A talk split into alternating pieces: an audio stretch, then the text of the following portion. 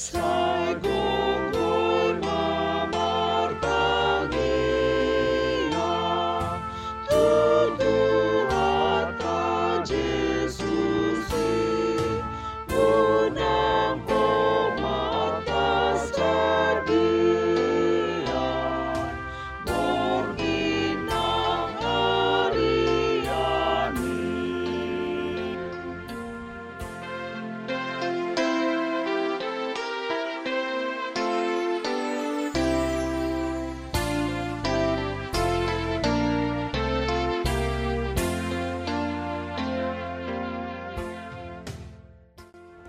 Renungan Harian HKBP Rawamangun. Ikutlah aku.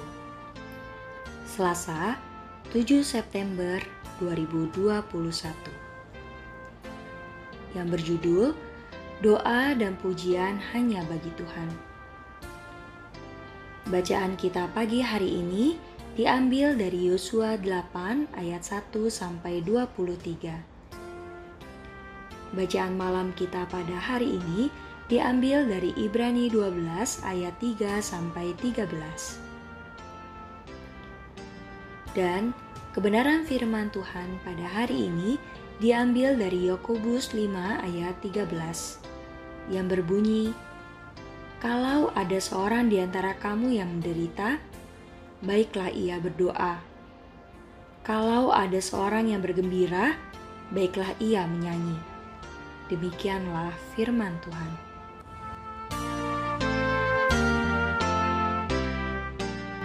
Pada saat kita mengalami kesulitan, kemiskinan, ataupun kesusahan, Alkitab mengajak kita untuk mencari kekuatan dari Allah melalui doa.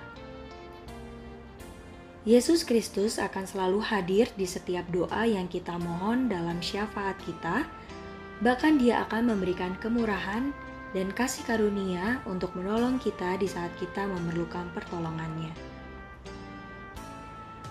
Nasihat di dalam ayat ini mengajak kita agar kita selalu menghadapkan segala sesuatu yang kita alami hanya kepada Allah saja.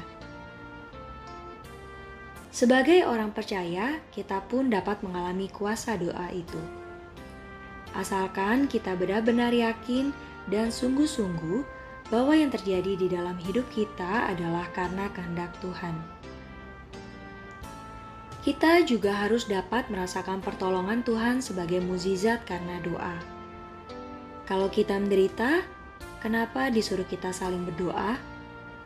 Karena itu adalah salah satu cara untuk saling menguatkan agar kita tidak mudah berputus asa. Di dalam kebersamaan saat berdoa, dapat mengurangi beban sesama kita.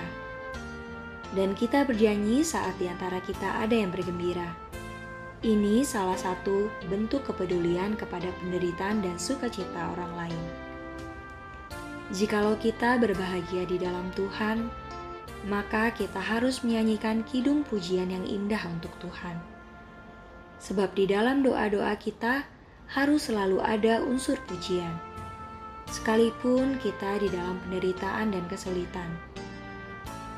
Bagi hidup orang percaya, doa dan menyanyikan pujian adalah satu hal yang harus selalu dilakukan dalam situasi apa pun.